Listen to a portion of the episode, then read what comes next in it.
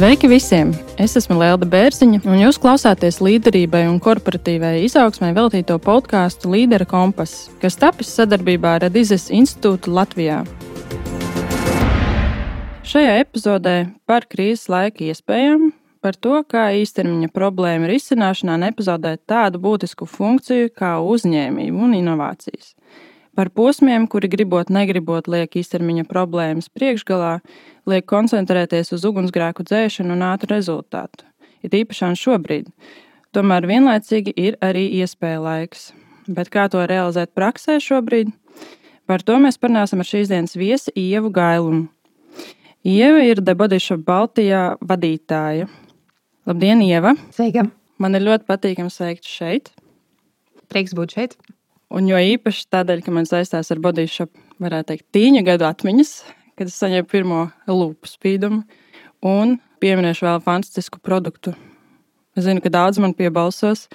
Body shop duša žēlēja pink grapefruit. Vienkārši, nu, man nu pat bija situācijas un iegādājos mazo iepakojumu. Un tad es redzēju, ka strauji krītās tilpums. Es prasīju, kur paliek mana duša žēlēja. Vīram arī patika. Nu, šis ir viens no mūsu populārākajiem produktiem. Um, bet tas ir interesanti, ka tas ir uh, populārs tikai mūsu reģionā. Ja mēs skatāmies tādā zapodīšana globāla rādītājos, tad šis produkts nemaz tik populārs nav. Bet uh, mūsu reģiona cilvēkiem tas noteikti ir viens no mīļākajiem. Jā. jau cik gadus, jau ļoti, ļoti daudz gadus. Nu, skaidrs. Man personīgi ir skaidrs, ka nākamreiz es noteikti ņemšu lielu iepakojumu.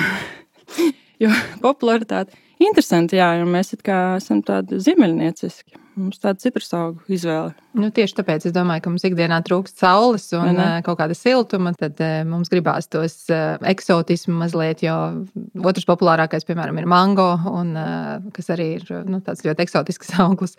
Un citos reģionos, kur šie augļi varbūt ir ikdiena, viņi nemaz nav tik populāri. Viņiem atkal patīk kaut kas rūktenāks. Un, vai tradicionālāks kā roze, kas mums atkal liekas, kā varbūt. Nu, nu jā, ļoti atšķirās par reģioniem šīs uh, simpātijas pret produktiem. Ļoti interesanti. Man tas atgādina gan arī teicienu. Mm, cilvēks, kas dzīvo pie jūras, nu, uz jūras neaiziet. neaiziet jā, jā. Nu jā, un tāpēc, ka šajos reģionos tā atšķirās, tāpēc ļoti bieži ir situācija, kad produkti, kas mūsu reģionā ir ielikumi, ļoti, ļoti, ļoti iecienīti, pēkšņi tiek pārtraukti ražot.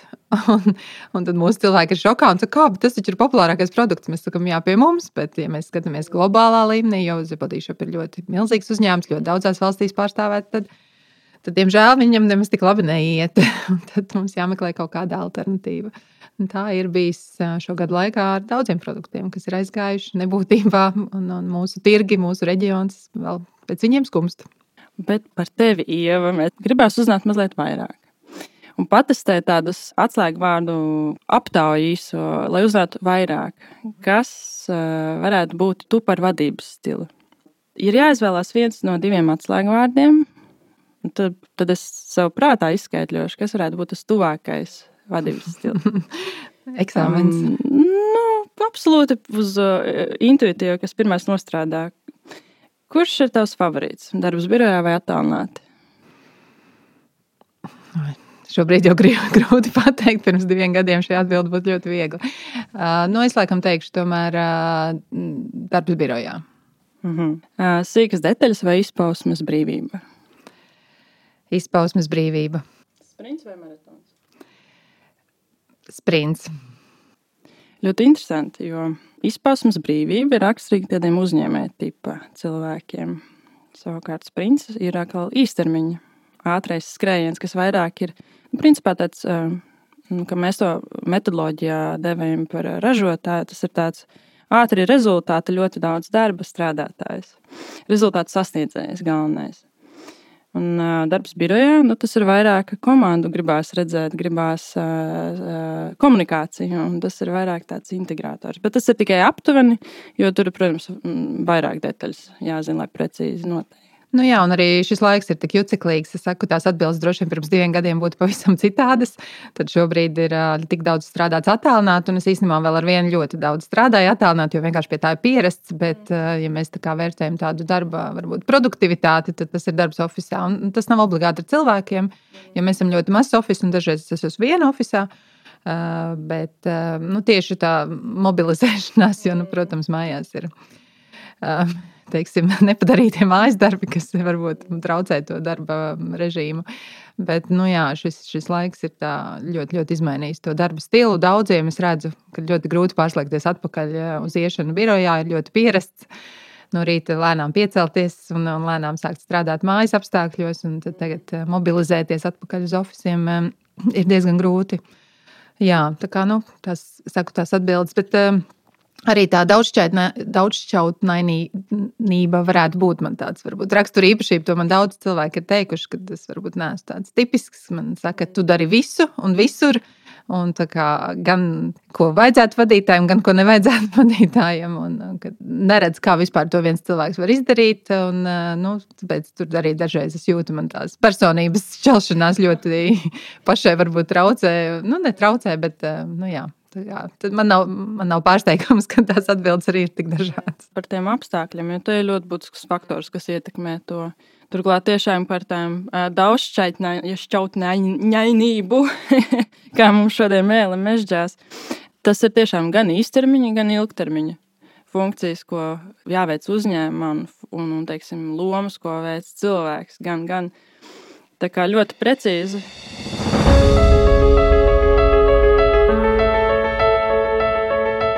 Jautājums ir tieši par šo periodu un arī dzen, par šo laiku.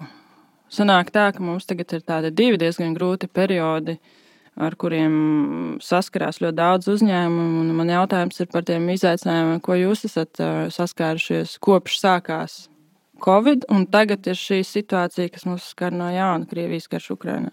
Nu jā, nu, pēdējais, kad mums bija pēdējais normālais pavasaris, bija pirms diviem gadiem tas, tā krīze sākās eh, nu, tā, diezgan negaidot. Es eh, vienmēr mēģinu ticēt tam labajam, un es līdz pēdējiem neticēju, ka vispār kaut kas notiksies tāds, ka tas skars mūs. Eh, teiksim, varbūt, kas vadītājiem nav tas labais stils, ignorēt tos visus signālus, ko deva, ka šī pandēmija sāksies. Bet nu, kaut kā likās, nu, es domāju, tas ir cilvēcīgi, likās, nu, tas jau tur tālu Ķīnā līdz mums neatnāks, ko mēs te. Uh, bet nu, es teiktu, ka visgrūtākais varbūt ir. Uh, Tieši tas cilvēcīgais faktors, jo nu, mums, nu, mūsu darba specifikā, nu, mums viss darbs notiek praktiski veikalos. Mūsu teiksim, dvēsele ir veikalos. Un, un mēs caur, pie klienta nonākam caur veikaliem, caur mūsu darbiniekiem, kas ir mūsu kā, svarīgākā uzņēmuma daļa. Un tas um, aspekts, nu, kā, tas pie kā es sapratu, ka ļoti daudz ir jāstrādā ir pie šiem cilvēkiem, jo, nu, protams, kad um, iestājās tā saucamais lockdown un aiztaisīja veikalus ciet, un, un cilvēki sēdēja ļoti ilgi mājā. Un sāka pierast, ka viņiem maksā dīkstāvus pabalstus, un viņiem nekas nav jādara, un viņi sēž mājās un saņem pilgu, pilnu algu. Tas, ir, man, manuprāt, bija viss izaicinošākais. Saprast, kā šos cilvēkus dabūt atpakaļ darba apritē, tad, kad mēs varamies vaļā. Cilvēki arī ir dažādi, un arī cilvēku amati ir dažādi. Tad, teiksim, klientu konsultanti. Daudz ir studenti vēl, un varbūt nevis ka neizprot, bet eh, nav iemācījušies to teiksim, darba rutīnu vai to kā, pienākumu, to lielo pienākumu apziņu, kas varbūt mums cilvēkiem gados ir tāda lielāka. Nu, tad uh, vienā brīdī mēs jutām, viņi saka, ka Tā kā ah, man jau negribās nākt uz darbu, man jau tik labi, es tur ar bērniem, un es tur varu visus ārstus iztaigāt. Un tā, un man, tas bija ļoti liels trauksmes signāls, ka šie cilvēki principā iet prom no šī darba tirgus, un viņus būs ļoti grūti dabūt atpakaļ. Un tāpēc mēs mēģinājām ar viņiem uzturēt arī saikni, gan paralēli kaut kādas apmācības veikt online, lai nepazūd šī saikne ar šo uzņēmumu. Tāpat mēs arī nu, ik pa laikam kaut kādu informāciju viņiem devām. Un, Mēģinājām tā iedrošināt, un tā, nu, galvenais to saikni saglabāt ar to, to cilvēku, tas cilvēciskais faktors. Jo nu, tā krīze, tā teiksim, uzņēmuma viedokļa, varbūt uh, ir procesi, ko mēs varam ievērot, tā, bet nu, cilvēks jau uh, apjūg, viņš nesaprot, viņš nesaprot pats. Tad, uh, ja viņam vēl uzņēmumā nav tādas stingras un skaidras vadlīnijas, ko darīt, tad viņam vispār liekas ārprāts, kas nu notiek, tagad viss beidzies, nav man darba, nav man naudas, viss ir slikti šis, es teiktu, ir tāds varbūt svarīgākais nu, tieši mūsu specifikā, kas saglabāt šo saikni ar cilvēku, mēģināt viņu noturēt pie uzņēmuma, noturēt viņu vispār pie veselā saprāta. Jo, diemžēl, nu, mēs redzam arī cilvēki, kas ir izslimojuši Covid. Viņiem ļoti, dažiem ir ļoti grūti pēc tam atgriezties darba tirgu. Mēs jau dzirdam šīs diemžēl, sekas, kad ir ļoti grūti koncentrēties, un emocionāli cilvēki paliek nu, netik noturīgi.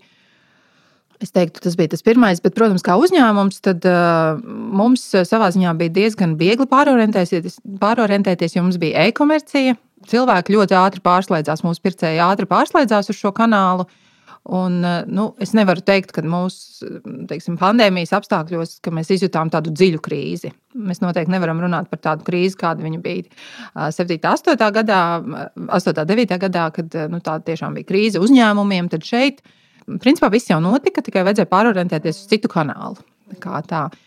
Nu, pandēmiju mēs eh, savā ziņā pārdzīvojām, un tagad jau teiksim, februāra sākumā skatījāmies uz gaišo martu, eh, kurš nāks ar pavasari un, un puķītēm. Nu, un, diemžēl notika šis šausminošais viss eh, karš. Un, un šobrīd atkal mēs saprotam, ka mums ir jādod signāli mūsu darbiniekiem par to, ko mēs darām, kāda ir mūsu pozīcija, kad ir jābūt šai skaidrībai, lai uzņēmums varētu turpināt eksistēt, lai nav hauss, lai neveidojas hauss, lai cilvēki turpina ticēt tam, ka viņiem šis darbs ir vajadzīgs, tam, ka tas ir liederīgi, tam, ka tam ir jēga, un arī nu, noticēt teiksim, tam, kas notiek. Jo, nu, diemžēl mēs arī saskārāmies arī mūsu rindās ar cilvēkiem, kas varbūt sākumā tam bija grūti noticēt un nostājās es teikšu, nepareizajā pusē. Protams, varbūt tā nav korekti teikt, bet nu, šobrīd tā ir pareizā un nepareizā puse. Un, nu, nācās šiem cilvēkiem parādīt, kāda ir mūsu nostāja. Viņi redzēja, acīm redzot, padomāja, saprata un arī nu, pieslēdzās. Un, nu, šobrīd ir ļoti grūti vēl kaut ko spriest par kaut kādu to, kā šis karš ietekmē biznesu. Jo nu, mums jau, nu, paldies Dievam, mēs esam drošībā, mums ir um, drošas debesis. Uh, un uh, veikali ir vaļā, mēs strādājam. Iebrauc arī mm, nu, bēgļi no Ukrainas, kas īstenībā daži, daži no viņiem arī ir. Uh, nu, Ar uh, turību, teiksim tā, paldies Dievam, um, tad viņi jau arī kļūst par šiem pircējiem. Un, un mūsu tā, teiksim tā, nu, finansiāli nekādas tādas ļoti liels sitiens tas nav. Protams, emocionāli tas ir milzīgs sitiens, bet tā tīri uzņēmumam pagaidām mēs vēl tos nekādu ietekmi ļoti lielu nejūtam, bet tas ir pagaidām. Un arī, protams, mēs nerunājam par nekādu izaugsmu šobrīd, jo nu, situācija ir tāda, kāda ir. Bet jā, nu, uzņēmums turpina darboties, un, un visi veikali ir vaļā. Un, un, nu. Grūti prognozējami, bet uh, jums ir kaut kādas aptuvens nojausmas vai kaut kādas prognozes. Uh, es pat, ja godīgi neesmu, nezinu, kur pārsvarā tiek ražot jūsu produkti, kurā valstī? Es domāju, cik daudz tas jūs ietekmē, teiksim, loģistikas ziņā un uh, energoefektivitātes ziņā un tam līdzīgi. Nu, šobrīd tā ietekme nav nekāda, jo uh, visi produkti, zabodīšu produkti tiek uh, ražoti partneru rūpnīcās vai no Anglijā vai kaut kur Eiropas Savienībā. Mums jau bija pa vidu vēl viena krīze, kas bija Brexit. Mums vēl tā bija jāpārdzīvo, ja Zabodīšu ir Angļu uzņēmums. Un tad viņi jau pirms šī Brexita, piemēram, mūsu reģionam pārcēla lielās noktavas uz Vāciju. Līdz ar to mēs šobrīd saņemam produktus patiešām no Vācijas, lai izvairītos no Brexit sekām.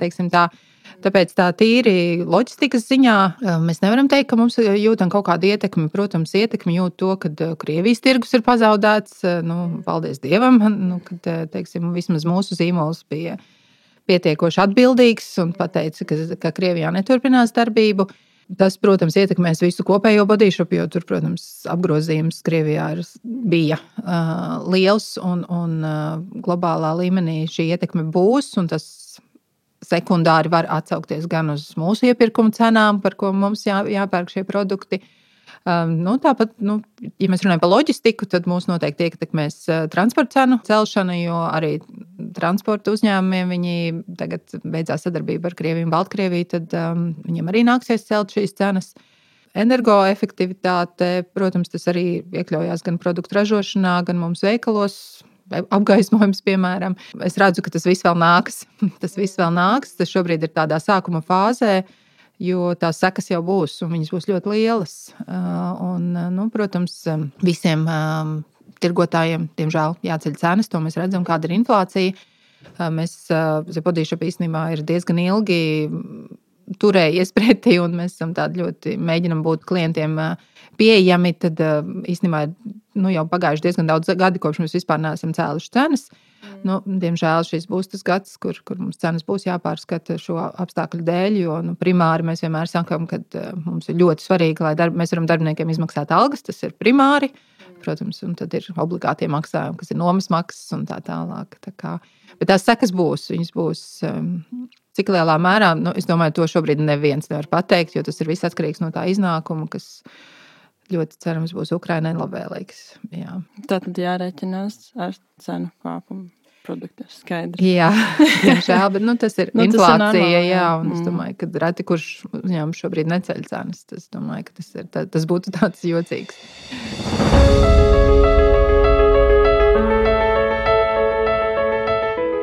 Cik daudz vadlīnijas jums nāk no jūsu jumta, kā saka?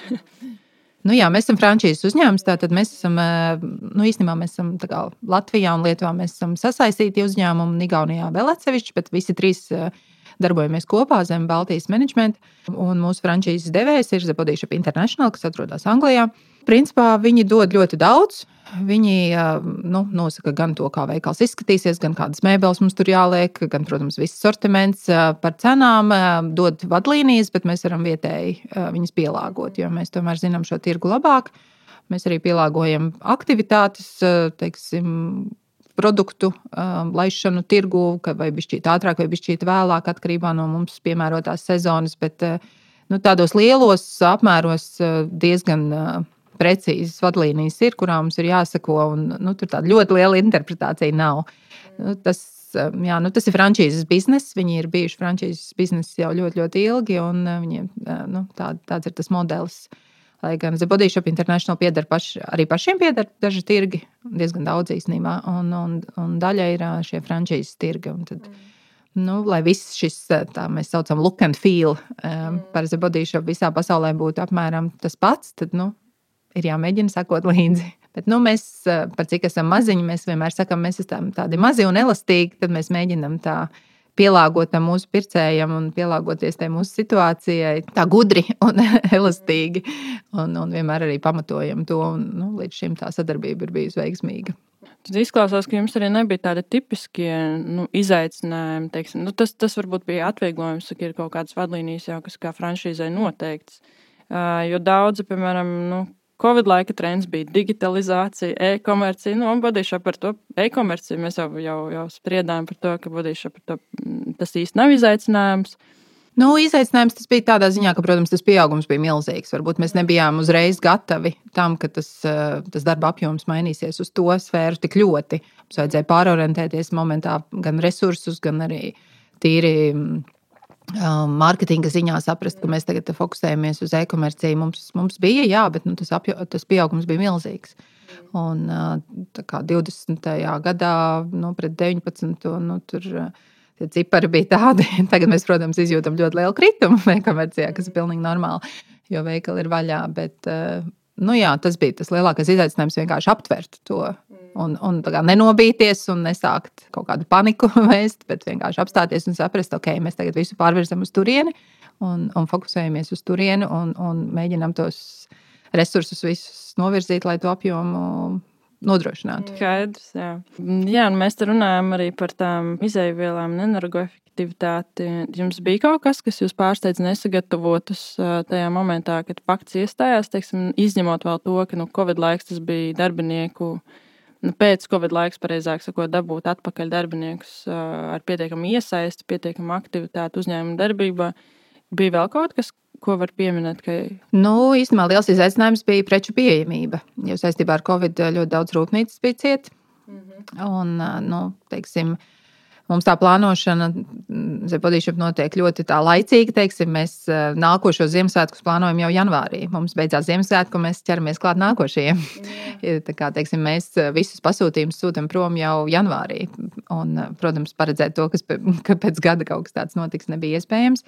Bet arī šis gads arī šī laicīgā plānošana nebija pietiekoša, lai izvairītos no tā, ka produkti nebūs pieejami. Jo nu, vai nu kaut kāda iepakojuma sastāvdaļa kaut kādā rūpnīcā nebija saražota, eh, vai nu, tas varbūt vairāk ietekmēja īstenībā dāvanas, eh, dāvanu iepakojumus. Eh, dāvanu maisiņus, dāvanu kastītes, kas mums uz Ziemassvētkiem parasti ir ļoti populāri, vienkārši nebija pieejami. Un, nu, mums nācās skatīties, kas mums ir iekrājušies no iepriekšējiem gadiem, kaut kādi krājumi. Ņēmām laukā tos un, un piedāvājām klientiem citas alternatīvas. Bet nu, tas bija tāds, jā, kad savā ziņā šoks, jo strādājot tādā frančīzes biznesā, ir diezgan tāda drošības sajūta visu laiku, nu, ka tev jau nu, tā, nu, kā, protams, notiek visu laiku kaut kādas aizkavēšanās vai kaut kas nav, bet nu, tas tādos varbūt mazos apmēros, un tad pēkšņi. Tev pasaka, nu, nē, šo jūs tagad nevarat dabūt uz visiem Ziemassvētkiem. Jums nebūs neviena dāvana kastīte un neviena dāvana maisiņa.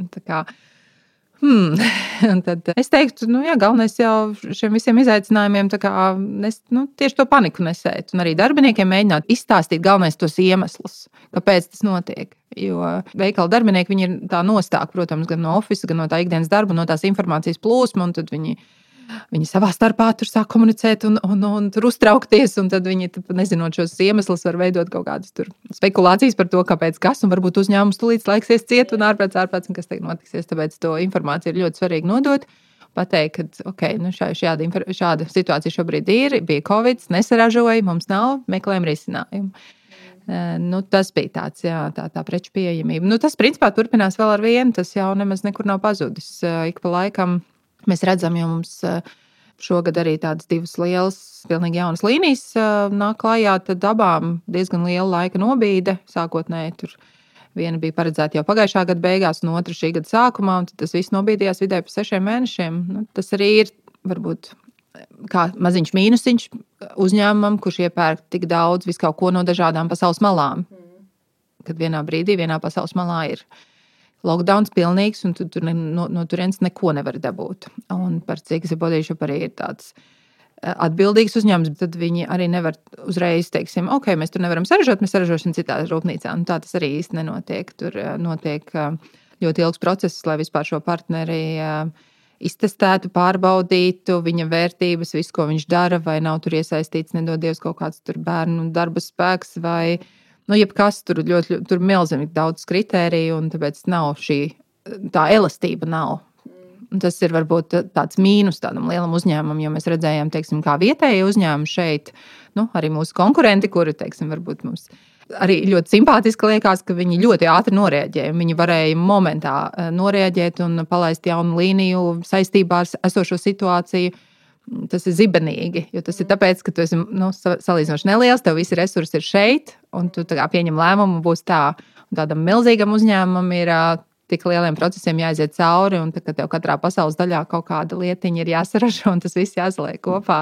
Tad tas ir, kā mēs sakām, diemžēl lieliem uzņēmumiem, tas vienmēr ir kā mīnus, ka viņi ir daudz lēnāki nekā mazie uzņēmumi. Bet, nu, teiksim, arī cepuru nost, eh, Zepodīšop tomēr eh, dažas lietas eh, darīja savādāk un teiksim, norēģēja ātrāk nekā parasti. Tā kā mēs redzējām, ka ir kaut kāda arī rīcība ātra, salīdzinoši priekš, priekš milzīgu uzņēmumu. Tāds. Es domāju, ka tas ir ļoti patīkami. Nu, vismaz man, man tas noraidīja uzreiz. Tas moments, kā tāds atbalsts arī tiem, kas teorētiski ir konkurenti, bet ir praktiski. Varbūt, ka tur ir kaut kāda izpēta, sadarbība iespējama vai kaut kam tādam. Te, ka tomēr lokāli bija iespējams fleksiblāk norēģēt. Jo, jo bieži vien ir dzirdēts šis no, no, no lokāliem uzņēmumiem, nu, jā, nu viņiem jau ir vieglāk, viņiem jau ir. Nāk teiksim, vadlīnijas un atbalsts no, no lielās, no jumta organizācijas, un viņiem tomēr ir vairāk iespēju. Bet šis atkal ir tāds moments, kas pagriež tos, kuriem varbūt ir mazāk un lokāli, viņi ātrāk spēj norēģēt iekšēji. Mm. Nu, ir gan plusi, gan mīnus. Nu, viennozīmīgi, jā, jā. jā, protams, lielam uzņēmumam tas vienmēr būs gan kaut kāda finansiālā lielāka drošība. Mēs, kā Latvijas un Igaunijas uzņēmumi, mēs arī mēs piedaram Somijas uzņēmumam, kas ir, kam ir Somijas frančīze, Zebodī Shop. Tas arī, protams, dod kaut kādu finansiālu drošību. Un, varbūt uzņēmumi, kuri iepriekšējā krīzē neizdzīvoja dēļ tā, tad mums tas palīdzēja izdzīvot. Bet uh, ir šie mīnusi, jā, ka tev daudz lietas ir jāsaskaņo, tev jāgaida akcepts, tev jāgaida, kad, eh, kad eh, pateiks, jā, jūs to drīkstat darīt, vai arī nu, pateiks, ka nē, jūs to nedrīkstat darīt. Un, un, lai arī tu tajā brīdī saproti, ka tas būtu pareizākais un, un ļoti labi biznesam, nu, ir diemžēl kaut kādas lietas, ko, ko pasaka, nu, nē, diemžēl jūs to nevarat darīt. Vai arī nav resursu, vai arī nav iespēju. Jā, bet, Nu, tas jā, tiešām ļoti, es domāju, daudz plusu un daudz mīnusi gan maziem, gan lieliem uzņēmumiem. Bet nu, vairāk tomēr es liecos, ka lielākus plusus es redzu maziem uzņēmumiem. Īpaši, ja tas ir tāds uzņēmums, kas tiešām ir atradzis šo savu nišu tirgu. Tur redz, ka tie cilvēki deg par to savu ideju. Un, um, ir ļoti liela teiksim, atsaucība gan no darbinieku puses, gan kā šis uzņēmums var ļoti daudz un ļoti īsā laikā veikt. Daudz vairāk, varbūt, nekā, diemžēl, mēs, kur, kur jāgaida šis, te, šis te atļauju darīt. Uh, jā, tā kā ir ļoti labi piemēri mums Latvijā. Un, um, prieks, ka tāda ir arī mūsu jomā. Tiešām skat, skatāmies un apbrīnojam. Kad, kad ir šie te, nu, jau ne tik jaunie, pat varbūt, bet tiešām tādi, kas izauguši ne no kā un, un spēcīgi un nu, jau uz eksportu un pasaulē. Nu, forši. Tieši gribēju jautāt, tu pieminēji arī par to, ka nācās dažas lietas atlikt un iepauzēt. Man kā reiz bija jautājums par to, vai bija kaut kāda projekta, vai kas iep, iepriekšējā situācijā, vai, teiksim, esošajā situācijā lika pieņemt lēmumu, ka mēs nevaram palaist. Jo, principā, nu, krīzes laiks ir tāds iespēja laiks, bet ir pilnīgi normāli, ka īstermiņa jautājumi, fiksi risināmās situācijas, viņas aizsteidzas pa priekšu. Pilnīgi normāli. Un tad, ja paliek, teiksim, enerģija, resursi un vispārējais, tad, tad turpina šos inovāciju projektus. Jums ir bijis kaut kas, tāds, kas ir konkrēti jau, ko nācies atlikt? Nu, man liekas, ka šī krīze atšķirās no citām krīzēm ar to, ka neviens nesaprata, kas notiks. Nu, teiksim, ja tā ir nu, teiksim, nu, varbūt nevar tā teikt, parastā finanšu krīze, bet nu, tad tu zini, ka tas ir lejā un pēc tam ir augšā. Nu, tas ir visos laikos tā bijis, kad uh, augšā lejā iet šī līkne, un, un uh, tā tas vienmēr būs. Bet šī pandēmija, viņa nebija tāda krīze tādā. Um, standarta izpratnē, un neviens nesaprata, cik ilgi, kāpēc, kur, kas tālāk. Varbūt tagad desmit gadus veikali būs cieti. Nu, nebija absolūti nekādas skaidrības par to, kas notiks. Tāpēc, jā, es pilnīgi noteikti saku, ka krīze ir iespēja laiks, bet šī krīze lika vairāk iepauzēt tieši dēļ tās neziņas, ka bija absolūti nesaprotami. Jo mēs jau, es atceros, ar mūsu īpašnieku tik daudz reizes jau runājām. Nu, nu, tagad jau nu viss, nu, tagad atvērsies, nu, taču neviens vairs ciet netaisīs. Nu, nē, visi ir mācījušies, un tagad, nu, kur tad vēl? Un tad atkal nāk nākamais vilnis, un, tad, un tev liekas, kā, nu, tas nestrādā ne pēc kādiem priekšrakstiem, un, un visas tās tavas domas ir pilns, bijušas pilnīgi nepareizas. Un tāpēc mēs tomēr iepauzējām. Jā, mums bija paredzēts arī veikala rekonstrukcijas, kuras mēs iepauzējām, jo vienkārši nesapratām, kad tas veikals atvērsies. Ne, likās, ka varbūt nav piemērots laiks.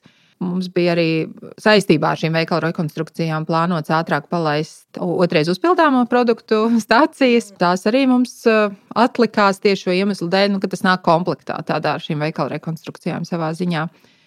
Nu, mēs, kā jau teicu, mēs tos visus resursus pārbīdījām uz šo e-komerciju un likās, ka tajā brīdī arī nav īsti ne spēka, varbūt ne enerģijas. Tieši saku, tas Covid laiks bija ļoti, ļoti nogurdinošs. Nu, tā neziņa ir ļoti nogurdinoša. ļoti. Man sasaucās arī īstenībā ar esošo šā brīža situāciju, jo arī nekas principā nav prognozējams. Nu, tas, ko saka uzņēmēji, ļoti daudz. Nu, viens ir šis energo jautājums, otrs arī pērciet izēvielas, kamēr varat par esošajām cenām, jo mēs nezinām, kas notiks pēc pāris mēnešiem. Uh, Jūs tas neskar nekā? Ja jūs... Mēs par cik paši neražojam, mūsu frančīzes eh, devējs to dara, tad uh, es pieļauju, ka viņiem ir izstrādāta politika šai sakarā, un uh, viņi arī pieder vēl lielākai grupai, Zapodīšu ir zem uh, Brazīlijas Natura grupas, uh, kur tur arī tiek apvienot šie ražošanas procesi. Līdz ar to noteikti viņi ir pieņēmuši šādus lēmumus. Un, bet, nu, tas viss atspoguļosies, protams, uz cenām. Jā, nu, viennozīmīgi. Tas ir neizbēgami, es domāju, šobrīd. Bet, nu, kā cilvēks saka, un es pilnīgi piekrītu, ka um, tas cenu kāpums, uh, ja tā ir cena, kas jāmaksā par brīvību, tad, protams, nu, tur mēs par to vispār nerunājam. Uh, Es ļoti ceru, ka cilvēki to arī atcerēsies tādā ilgtermiņā. Jo, protams, kad ir šis patriotisms vilnis un ir šis karš un vēlme atbildēt, tad daudzi saka, jā, mēs darīsim visu, lai tikai atbalstītu. Un tad pēc pusgada nāk šie, kāpēc mums te jāmaksā vairāk. Nu, mēs jau tagad dzirdam, protams, bet nu, varbūt mazākā mērā. Un ir ļoti svarīgi nu, to visu laiku paturēt prātā un atcerēties, kāpēc tas viss notiek. Nu, tas nav, un atkal nesākt vainot varbūt valdību, kas mums Latvijā ir ļoti populāra, ne tikai Latvijā, kura pie visa ir vainīga vienmēr. Es domāju, viņi darīja, ko varēja. Protams, varēja daudzas lietas darīt labāk, bet vai mēs paši būtu izdarījuši labāk? Es vienmēr prasu, nu, ko es, ko, kādu lēmumu es būtu pieņēmis tajā brīdī, un nav jau tā atbilde. Un nav jau tā, ka tie cilvēki ir kaut kādi supergudrāki vai kaut kādā atver, atšķir grāmatu un izlasa, ah, pandēmija, man jādara tas un tas. Un tā jau nav. Un uh, tu tajā brīdī kaut ko dari, un tad um, tu jau pēc tam tikai redzi, vai tas bija pareizi vai nepareizi. Nu, tas ir tāds bezprecedenta epidēmija, kuru mēs nebijām piedzīvojuši. Nu, ļoti cerams, ka visi izdarīs secinājumus, un nākošais uh, būs gudrāki lēmumi. Es ļoti ceru, ka nebūs vēlreiz epidēmija bet, un pandēmija. Jā, to mēs nekad nezinām, bet nu, jā, redz, nāca šis karš. Un, uh, vispār saistībā ar to karu es jūtu, ka gan, gan es pati katru dienu vairāk domāju par to, ko es vēl varu palīdzēt, kā par darbu. Nu, ļoti daudz sanāk, kā varbūt visu laiku skatīties, meklēt kaut kādas palīdzības iespējas, mēģinu arī darīt maksimāli, cik varu. Un, uh, tad ir ļoti grūti arī to paskaidrot varbūt cilvēkiem, kas nav mūsu reģionā. Jo mums arī, protams, ir citi plāni, teiksim, Zebodīša International. Mēs viņiem sakām, mēs šobrīd, diemžēl, nevaram par to padomāt, par par, nu, par kaut kādu citu sociālo kampaņu vai par kaut ko tādu. Viņi tā īsti līdz galam tomēr neizprot. Un mēs jūtam, ka tas, tas, ko daudz cilvēku saka, ka tomēr nu, rietumu valstis līdz galam šo karu neizprot. Viņi, jā, tas notiek valstiskā līmenī, tur cilvēki kā, nosoda, dod palīdzību, bet ikdienā cilvēki, teiksim, tādā pašā Anglijā, Vācijā, viņi nu, to neizprot. Viņiem tas liekas kaut kur tālu. Nu, kaut kas, un, un viņi nesaprot, par, par ko mēs tik ļoti pārdzīvojam, kāpēc mēs nevaram pastrādāt. Zvani ar viņiem, es viņiem saku, atvainojos, es, nu, es vienkārši nevaru šobrīd emocionāli parunāt. Man ļoti grūti diena, un viņi tā līdz galam, to, nu, es jūtu, ka viņi ne, to līdz galam nesaprot. Kāpēc? viņi tā, tā kā, nu, jā, tā kā, tas varbūt arī ir tāds savā ziņā mīnus tādam lielam uzņēmumam, kur tev katrai, katram reģionam ir jāpielāgojas, jo Zebodīša arī strādā reģioniem, kur varbūt ir Krievijai draudzīgi, tad viņiem arī tur jāmēģina saprast, kā, kā šīs visas reģionus kopā tomēr saturēt. No Krievijas izgāja, bet vēl jau paliek citas valstis, kas kaut kādā veidā tomēr atbalsta. Kā, nu, nav, nav tik vienkārši tā situācija, es jau arī viņus saprotu. Jā, bet, eh, nu, katrā ziņā es ļoti priecājos, ka vismaz teiksim tā, ja Zabodīšam nebūtu izgājis no Krievijas, tad laikam, tad laikam es, es domāju, daudz darbinieku arī šeit vairs nebūtu. Jo, Jo. Tas ir, ir droši vien jautājums arī par vērtībām, kur īstenībā varam būt pateicīgi, ka darbinieki ir atlasījušies tādu, kur šīs vērtības mums sakrīt. Es esmu ievērojis, cik bodīšu šopi ir teiksim, korporatīvs, sociāli atbildīgs, kas nebūtu nav maz būtiski. Ieteiksim, tas ir nu, tiešām, ja tu gribi būt caurspīdīgs, ja tu gribi būt ilgstoši, ilgspējīgs, teiksim, tā, tas viss ir ļoti, ļoti būtiski. Interesanti cik teiksim, lokāli var šādas tu pieminēji sociālās kampaņas, pielāgot reģionam. Jo tiešām nu, mums nebūtu šobrīd aktuāli, ja mēs palaistu kampaņu par kaut ko absolūti, kas neatbilst esošai šā brīža emocionālajai situācijai sabiedrībā. Paldies Dievam, ka mūsu frančīzes devējs ir tādā ziņā saprotošs. Mēs viņiem to izstāstām, kā jau teicu, varbūt viņi līdz galam to nesaprot, bet viņi atbalsta. Viņi saka, labi, mēs pieņemam to, ka jūs šobrīd to nevarat, un jums jādara tas, ko jūs darat. Tad, teiksim, nu, mēs arī bijām pirmie. Nu, visā bodyshop. Mēs skatāmies globālajā valstu sadalījumā. Mēs bijām pirmie, kas ļoti ātri noreaģēja saistībā ar Ukrajinu un uzreiz meklējām iespējas, kā palīdzēt. Un tāds varbūt savā ziņā maznozīmīgs fakts, bet uh, ko mēs ļoti lielu atdevi arī nu, tādu emocionālu atdevi redzējām, piemēram, izlikt visos veiklos Ukraiņas karoga plakātu. Arī tas bija vēstījums gan primāri, gan mūsu darbiniekiem, kāda ir tā mūsu pozīcija. Ja kāds vēl tomēr bija, varbūt tādā otrā pusē, tad nu, mēs, mēs pateicām, mēs esam šajā pusē, vai nu tu esi ar mums, vai, vai nē. Uh, bet nu, neviens darbinieks neaizgāja. Un, un, es domāju, daži bija vienkārši apjukuši. Nebija tā, ka kāds tur atbalstīja nu, tāda lieta. Un tad mums pat bija stāsti no veikaliem, kad eh, nu, īpaši pašā sākumā, kad atbrauc pirmie bēgļi, kad viņi ienāca veikalā. Mums arī skanēja mūsu, mans kolēģis Jānis, kurš ir tāds eh, mūzikas entuziasts. Viņš bija sataisījis jau pats pirmais, pirms vēl parādījās visas oficiālās Ukraiņas eh, dziesmu playlists. Viņš bija savu playlistu uztaisījis, mēs laidām Ukraiņas mūziku veikalos. Un tad bija cilvēki, kas ienāca un vienkārši apstājās veikala vidū un sāka raudāt. Nu, tad, nu, tad brīdī tu saproti, ka tas cilvēkam ir svarīgi. Jo liekas, nu, kas tur plakāts, kas tur dziesmiņas. Ja? Bet nu, bija tādi, kas nāca, un mēs teicām, meitenēm, pēc brīvas izvēles, jūs varat pielikt lentītes, iegādāties ziedus Ukraiņas karoga krāsās, izlikt tik pa laikam pēc brīvas izvēles. Bet nu, ir kaut kādas lietas, ko mēs teicām, kas ir obligāts. Un, jā, mēs dzirdējām diezgan daudz stāstu no visām trim Baltijas valstīm īstenībā, ka cilvēki nāca un nāca pārdevējām klāt un apskāva viņas. Un, nu, tas tāda emocionālā varbūt tāda saikne. Protams, mēs meklējām arī kā tīri fiziski atbalstīt. Tad ar mūsu īpašnieku labvēlību mēs noziedojam 15,000 visā Baltijā, kas nu, mēs esam salīdzinoši mazs uzņēmums. Mums tas bija diezgan liela nauda. Teiksim, mēs ar īpašnieku vienojāmies, ka mēs varbūt kaut kādas citas lietas iepauzēsim, bet piešķirsim šo naudu Ukrainai. Tad katrā valstī aizgāja 5000. Mēs izvēlējāmies partneri, kam, kam ziedot. Latvijā tie bija uzņēmēji mieram. Plus mēs vēl ziedojam produktus. Mēs sadarbojamies ar nevalstisko organizāciju Palīdzēsim LV diezgan cieši jau vairākus gadus.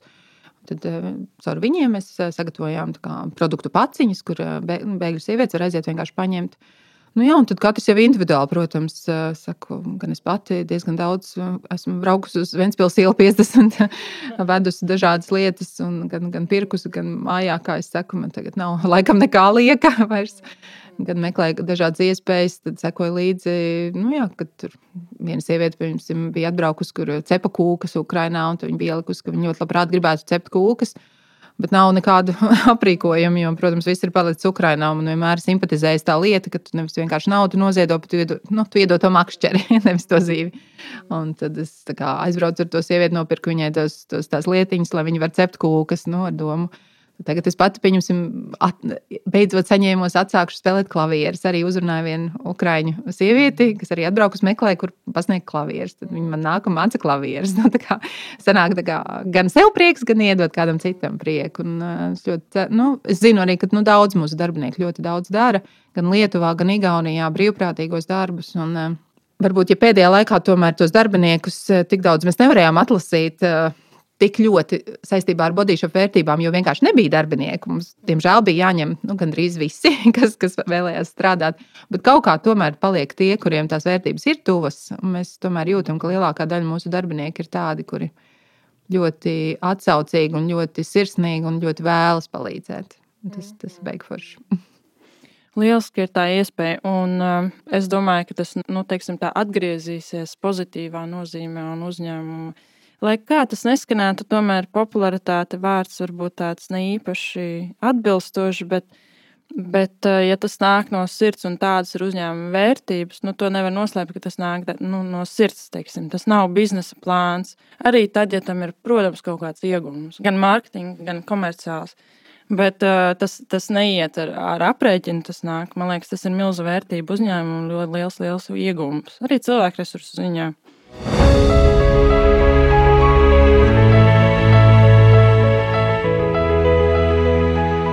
Bet uh, interesanti bija par to pieminēto projektu ar uzpildes stacijām. Es tieši par to dzirdēju, ka, kas ar šo projektu notiek. Uh, nē, tas plānos vēl ir. Uh, globālā līmenī ir jau daudz veikalu, kur šīs uzpildes stacijas ir uh, uzstādītas. Nu, Baltijā mēs ļoti, ļoti ceram pirmo uzstādīt uh, Viļņā, Lietuvā. Pirmā būs, bet arī Latvijā uzreiz pēc tam drīz. Tā kā katrā valstī vismaz vienā vai divos veikalos līdz gada beigām būs. Tas jau, teiksim, varbūt nav nekas jau tik ļoti, ļoti inovatīvs. Ir jau arī citiem zīmoliem un vispār, vispār pieņemta prakse, bet, nu, atkal šādam lielam zīmolam tas tomēr ir milzīgs solis, jo tas ir atkal pārorientēt visu produktu tirzniecību uz citiem iepakojumiem un tā tālāk. Tad tā ideja ir tāda, ka būs nu, jā, tā tāda maza stacija, kas ir veikalā, kur tu vari iegādāties vai saņemt tukšu pudeli un uzpildīt sev vēlamo dušu žēlē vai šampūnu.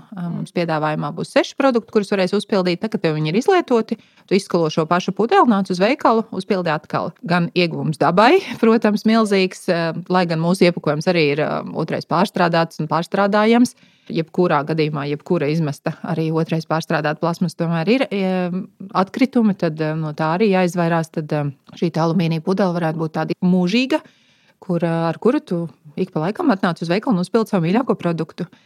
Tātad iegūms gan dabai, gan arī finansiāli. Tur sanāks kā, lētāk mazliet samaksāt nekā pērkot atsevišķu produktu. Jā, nu mēs ļoti, ļoti gaidām. Mēs zinām, ka cilvēkiem tas patīk un cilvēki to grib. Ļoti ceru, ka vajadzētu būt tuvāko divu mēnešu laikā pirmajai Lietuvā, kā jau es minēju, un Latvijā. Noteikti līdz septembrim arī būs veikalos vismaz vienā vai divos. Izklausās ļoti interesanti. Tur jau tāds uh, vairāku pušu iegūms. Jo līdz šim kaut kā vairāk ir par tādu uzpildes stācijām, uzpildi, teiksim, tukšo, tukšās taras uzpildi ar, ar, ar saturu. Ir vairāk dzirdēts šajos bezatkritumu un tādas zero waste un, un tam līdzīgi.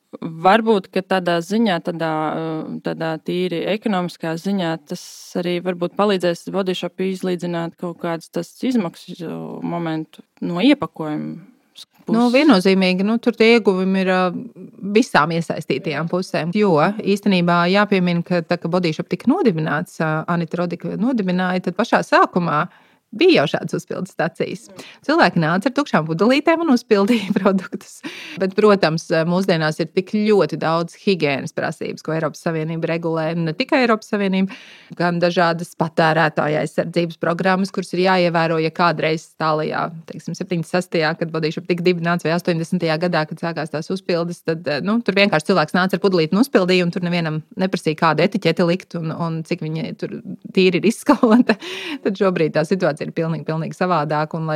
Tāpēc es saku, lai šādu projektu palaistu, īpaši tādā milzīgā uzņēmumā, tur ir tik ļoti daudz uh, birokrātisku procesu, kam jāiziet cauri, lai vispār kaut ko tādu drīkstētu darīt. Ja, nu, saku, tur ir patērētāja aizsardzība, tur ir um, sanitārās normas, tur ir um, vidas ietekme un tā tālāk. Un tā tālāk. Tā kā inovatīvs tas nav, bet tas ir uh, labi, ne, kā, kā to saka, aizmirsts vecais. Jaunais, aizmirsts jā, viss jaunais jā. ir labi aizmirsts vecais. Tas jau nekur nav pazudis. Un Zebodīšop jau arī bija pirmie, kas to iesāka kādreiz. Tā kā, nu, vienkārši saku, tas bija daudz vienkāršāk to izdarīt un mazākā apjomā, protams. Tad bodyshop vēl nebija visā pasaulē un bija vienkāršāk šo visu īstenot. Bet es domāju, ka uz to ies lielākā daļa uzņēmumu, jo, nu, protams, nu, ir produkti, kurus tu to vari darīt. Protams, būs produkti, kurus tu nekad to nevarēsi darīt. Nu, ir iepakojuma kā, prasības, lai šis produkts saglabātu šīs savas īpašības. Nu, visvieglākais, ar ko sākt, ir, protams, dušas žēlēja, šampūns, kur ir šķidrie produkti, kuriem varbūt nav tik lielas prasības šai uzglabāšanai.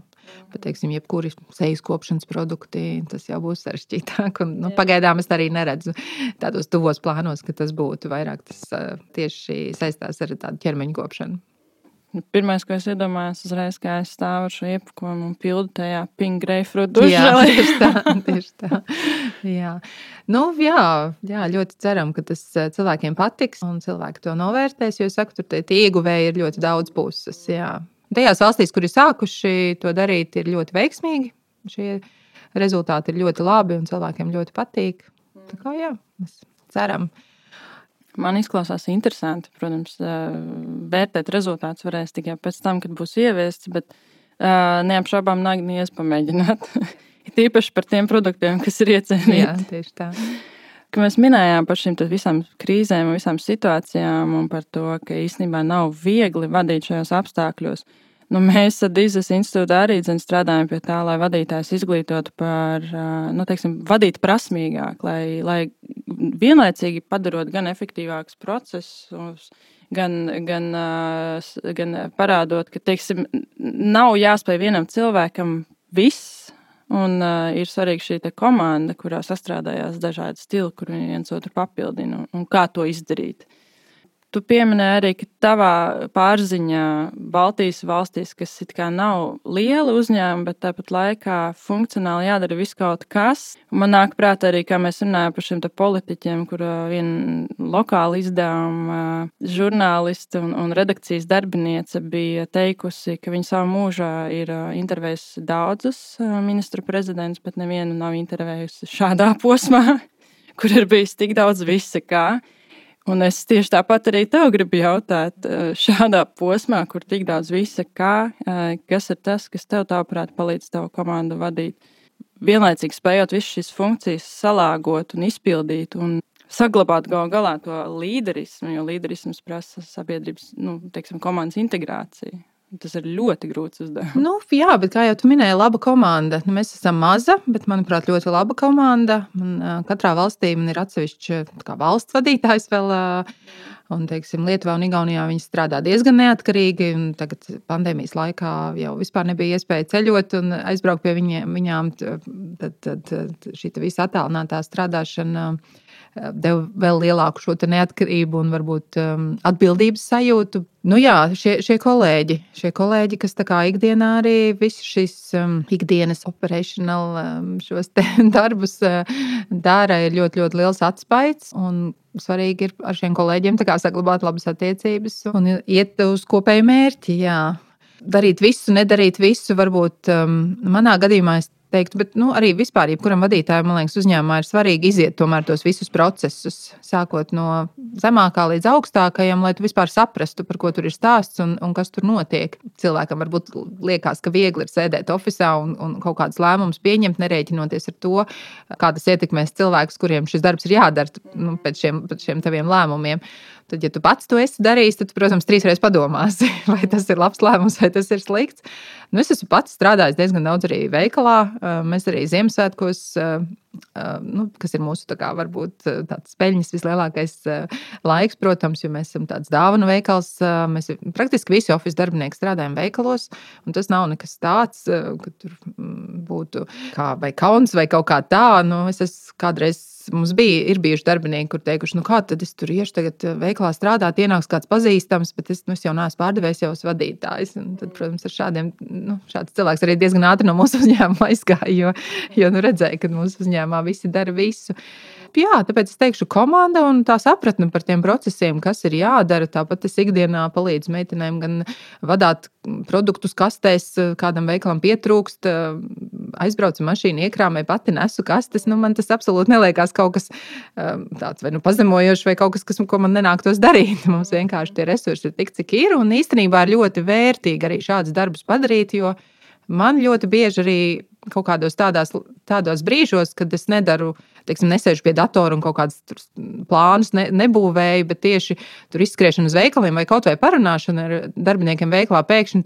man jau paralēli smadzenes, ah, šitais. Un es eju apakaļ un pārdomāju to lietu. Man ir ienākusi kaut kāda lieta galvā, kur man nekad nebūtu ienākusi galvā, sēžot oficiālā. Tie darbinieki, protams, varbūt pat nu, neapzināti kaut ko ir pateikuši, un es pat neesmu konkrēti jautājumu uzdevusi, bet uh, kaut kā tā saruna, tā kā, ah, šitais mums tagad ir jādara. Tāpēc svarīgi ir arī ieklausīties un iziet tiem procesiem cauri un, un atbilstoši tos lēmumus, un, un arī pamatot tos lēmumus. Jo ļoti ir, ir jau tā ļoti daudzos uzņēmumos, domāju, kur ir vadītāji, un tad ir padotie, un padotie nesaprot, ko vadītājs dara, un vadītājs nesaprot, ko padotie, un viens otram vienmēr ir tie sliktie. Tā vienmēr droši vien arī būs, kad kaut kādās eh, lēmumos tev ir jābūt šim sliktajam, īpaši kas saistās ar kaut kādām varbūt netika patīkamām lietām. Bet, nu, jāmēģina jā, kaut kā pamatot viņas, un eh, jāmēģina, lai tie cilvēki tam notic un, un saprot to liederību tam, tai lietai, ko mēs darām. Ka tas nav vienkārši tāpēc, ka es tagad tā izdomāju, tāpēc mēs tagad tā darīsim. Jā, tā kā komanda, procesi, ieklausīties, un, un arī nu, īstenībā šī elastība neiet, kā, neiefokusēties uz kaut ko vienu. Kaut kā, nu, kad nē, mēs tā tagad gada sākumā sarunājām, un tagad tā būs. Nu, tā, es vienmēr saku, nu, pienāks tas marts, mēs paskatīsimies. Ja vajadzēs, mēs pamainīsim. Nogaidām, nevajadzēs, risināsim. Tā kā nestrabiet karstu un nu, nesāsiniet to situāciju nevajadzīgi. Nu, dažreiz vajag vienkārši tā pavērot. Ja ir, protams, šāda iespēja, dažreiz ir jārēģē ļoti ātri, bet nu, dažreiz vajag pavērot, kā, kā iet, ja nē, uzreiz beidzam, darām kaut ko citu. Visu laiku paturēt prātā to, ka to jebkurā brīdī tu varēsi pamainīt. Ka tas nav nekas akmenī iecirsts. Un, nu, protams, ir procesi, kurus nevar, bet nu, es tomēr ticu, ka lielāko daļu var sarunājot. Kā jau minēju, tad Zebodī Shop uh, International viņi varbūt tā uz mums skatās dažreiz. Man jau dažreiz pat uh, savā ziņā kauns ir, kad es tik daudz varbūt, lietas gribu darīt savādāk, un es viņiem saku, nē, šis nestrādās, un mēs darīsim tā, un tad man liekas, ārprāts viņi jau redz, ka es zvanu viņiem, jau tā kā ah, atkal viņa zvana, bet tāpat laikā viņi man ir teikuši, ka ļoti labi un ka mēs esam varbūt viena no retajiem tirgiem, kas ļoti pastāv uz šo, uz šo elastību, ka vajag darīt tā, nevis vienkārši ļauties tām universālajām vadlīnijām, nu, kā teica, tā darīsim. Bet tieši vairāk pielāgoties un, un, Un daudz lietas, ko mēs esam varbūt kā, kā maziņie aizrādījuši uh, lielajiem modīšopiem, mēs redzam pēc gadiem, ka tas tiek darīts. Mēs jau, protams, nesakām, bet mēs jau teicām trīs gadus atpakaļ. Bet nu, ļoti daudz lietas īstenībā mēs redzam, ka tas tā notiek. tā kā, nu, kaut kāds varbūt tas, tā, tā sapratne mums ir. Nu, varbūt tāpēc, ka mēs esam tie mazie tirgi, mums jābūt tādiem ātrākiem, elastīgiem, jā, vairāk jāpielāgojas. Man sasaucās tās domas ar um, metoloģijas dibinātāju un izveidotāju doktora Dizes. Nu, zināt, drēbnieki zina drēbi, teiksim, tā arī funkcionāli, teiksim, kā veiklā efektīvāk un iz, attīstīt un izdarīt. Doktora Dizes strādāja ar uzņēmumu, kura procesa efektivizācijas nolūkā tika piesaistīts, tas bija um, nakšņošanas pakalpojumu sniedzējs, tika piesaistīti darbinieki arī no uzkopšanas, no istabiņām, un, un, lai, lai, lai to procesu padarītu maksimāli efektīvu, pēc iespējas samazināt izmaksas, kur tas ir iespējams. Un tā. un, uh, tieši šī ideja par dvieļu nolikšanu uz grīdas, tad, lai, nu, ja viņi ir netīri, tad viņi ir jāizmazgā. Ja viņi nav netīri, tad viņus atstājas pakrā un nāca no absolūti vienkārši ikdienas funkciju veicēji. Mm -hmm.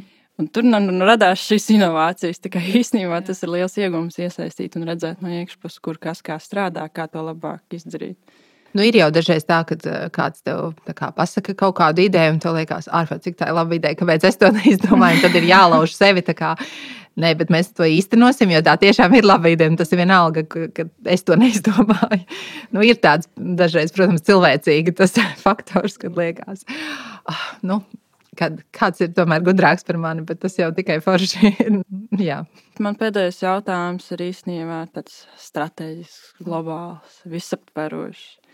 Nu, nav viegli. Nec bija viegli divus gadus atpakaļ, nec tagad ir viegli. Daudz runājam par to, kāda vide būs biznesā pēc šī visa un kas būs pēc šī visa gal galā. Bet jautājums par to, varbūt kādu gribētos redzēt pašu bodyshop, kur gribētos būt un kādu biznesa vidi gribētos redzēt pēc šī visa. Savā ziņā tas uh, process jau ir, manuprāt, un cerams, sācies bodyshop pasaulē, kad tiešām vairāk atgriezties pie tām sākotnējām vērtībām. Ja tas ir iemesls, kāpēc es vispār uzsāku strādāt šajā uzņēmumā, man bija ārkārtīgi svarīgas šīs vērtības. Uh, gan cilvēktiesību, dzīvnieku aizstāvība, vides, visas šīs kampaņas, ko Padīša veids. Un ļoti gribās, lai atgriežas šī te mazliet cilvēcīgāka tā biznesa vide, kāda tā bija kādreiz. Es saprotu iemeslus, kāpēc viņa nav vairs tik cilvēcīga, jo ir visas šīs birokrātiskās prasības, ko uzliek dažādi tirgi un Eiropas Savienība. Un tā, Bet um, ir, ir lietas, ko uzņēmuma vadīt, uzņēmuma dibinātāja Anita Rodika iesāka, un ļoti gribētos atgriezties pie viņām. Un tiešām tā, kā, tā katra diena, kad tu ej uz darbu, tev ir uh, pamatota ar liederību. Nevis tāpēc, ka tu nopelni algu, bet arī tāpēc, ka tas tavs darbs palīdz vēl kādam. Un, protams, arī šobrīd tā ir bodīša, godīgas tirsniecības programma, kur uh, sastāvdaļas tiek iepirktas un uh, tas nonāk uh, pie cilvēkiem, pie mazām nabadzīgām kopienām, kas var attīstīties un uzlabot savus dzīves apstākļus. Bet gribās vairāk, gribās vairāk un gribās cilvēcīgāk un mazināt to birokrātiju. Tad tā būtu mana tā varbūt vīzija un cerība, ka tas varbūt cilvēcīgais atgriezīsies vairāk. Kā saka, lai prāts, ķermenis un sirds miedarbojas vienlīdz pozitīvi gan uz sevi, gan uz apkārtējiem. Paldies, liels, ka tu biji šeit šodien uh, ierakstā Līderu kompasā, un uh, es novēlu, lai tie jaunie projekti attīstās un izdodas. Es gaidīšu ar nepacietību. Paldies! Paldies tev! Uz redzēšanos! Paldies, ka klausies podkāstu Līderu kompass. Lai nepalaistu garām jaunās epizodes, sekojiet ierakstiem Facebook un LinkedIn. Noklausīties iepriekšējās epizodes var visās podkāstu platformās un YouTube. Ja vēlaties atbalstīt podkāstu darbu, klausies pats un dalies ar tiem, kam būtu saistošs podkāstu saturs. Uz tikšanos!